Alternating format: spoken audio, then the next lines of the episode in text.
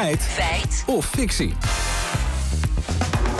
gaat Lieke vandaag over de scheepvaartindustrie. Ja, want Context, dat is een eh, mediaplatform dat zich veel bezighoudt met klimaat, zegt het volgende. Als de scheepvaartindustrie een land zou zijn, zou het de zesde grootste vervuiler ter wereld zijn. Nou, en dat is nogal wat. Uh, dat zijn we gaan uitzoeken. Maar eerst even, wat zijn dan de vijf, vijf grootst vervuilende landen nu? Nou, China is de grootste vervuiler met een eh, aandeel van 30% van de wereldwijde uitstoot. Daarna komt de VS, 15%.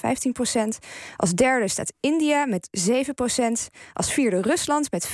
En Japan sluit de top 5 af met 4 En, en wat is dan uh, de oorzaak van die enorme uitstoot als het gaat om de scheepvaart? Dat vroegen we aan Sander den Heijer van de Nederlandse Brandsorganisatie voor Maritieme Technologie.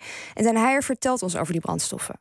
Als sector zijn we eigenlijk al jaren verslaafd aan stookolie. En die verslaving, daar, eh, daar komen we maar moeilijk vanaf. We zijn echt heel druk bezig op, eh, op allerlei vlakken om ja, daar, eh, daar, daar oplossingen voor te verzinnen. Maar het gaat gewoon langzaam. Nou, gebeurt er op politiek gebied wat om, om die uitstoot aan te pakken? Ja, voor schepen die van en naar havens in Europa varen, moet er vanaf volgend jaar betaald worden voor hun uitstoot.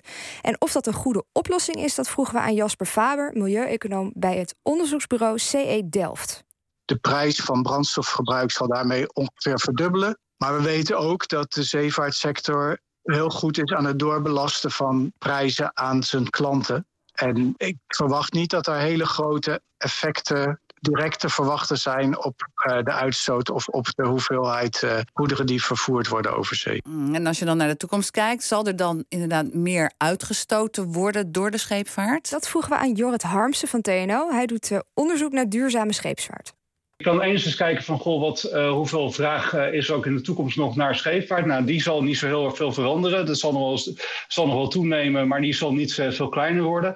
Wat je wel ziet is dat we uh, nu heel veel ontwikkelingen hebben om emissies van scheepvaart te verminderen. Dus dat we met heel veel innovaties op dit gebied bezig zijn. En daar verwachten we wel van dat we echt substantieel gaat afnemen. Ja, we gaan dus volgens Harmsen een schonere scheepvaarttoekomst tegemoet. Maar het is nu dus nog ja, hartstikke vervuilend. Mhm. Is, is bekend welk aandeel Nederland daarin heeft trouwens? Nou, daar was niet echt een concreet antwoord op te vinden, stelt Sander den Heijer. Het ligt heel erg aan hoe je het bekijkt. Rotterdam is een hele grote bunkerhaven. Dus uh, daar worden in volume ontzettend veel uh, bunkerbrandstoffen uh, worden daar verhandeld en, en geleverd aan schepen. Maar ja, die brandstof ja, die kun je niet alleen maar op het konto van Nederland schrijven. Want ja, zo'n schip gaat vervolgens weg en gaat naar de andere kant van de wereld met die brandstof die hij in Nederland heeft gekocht.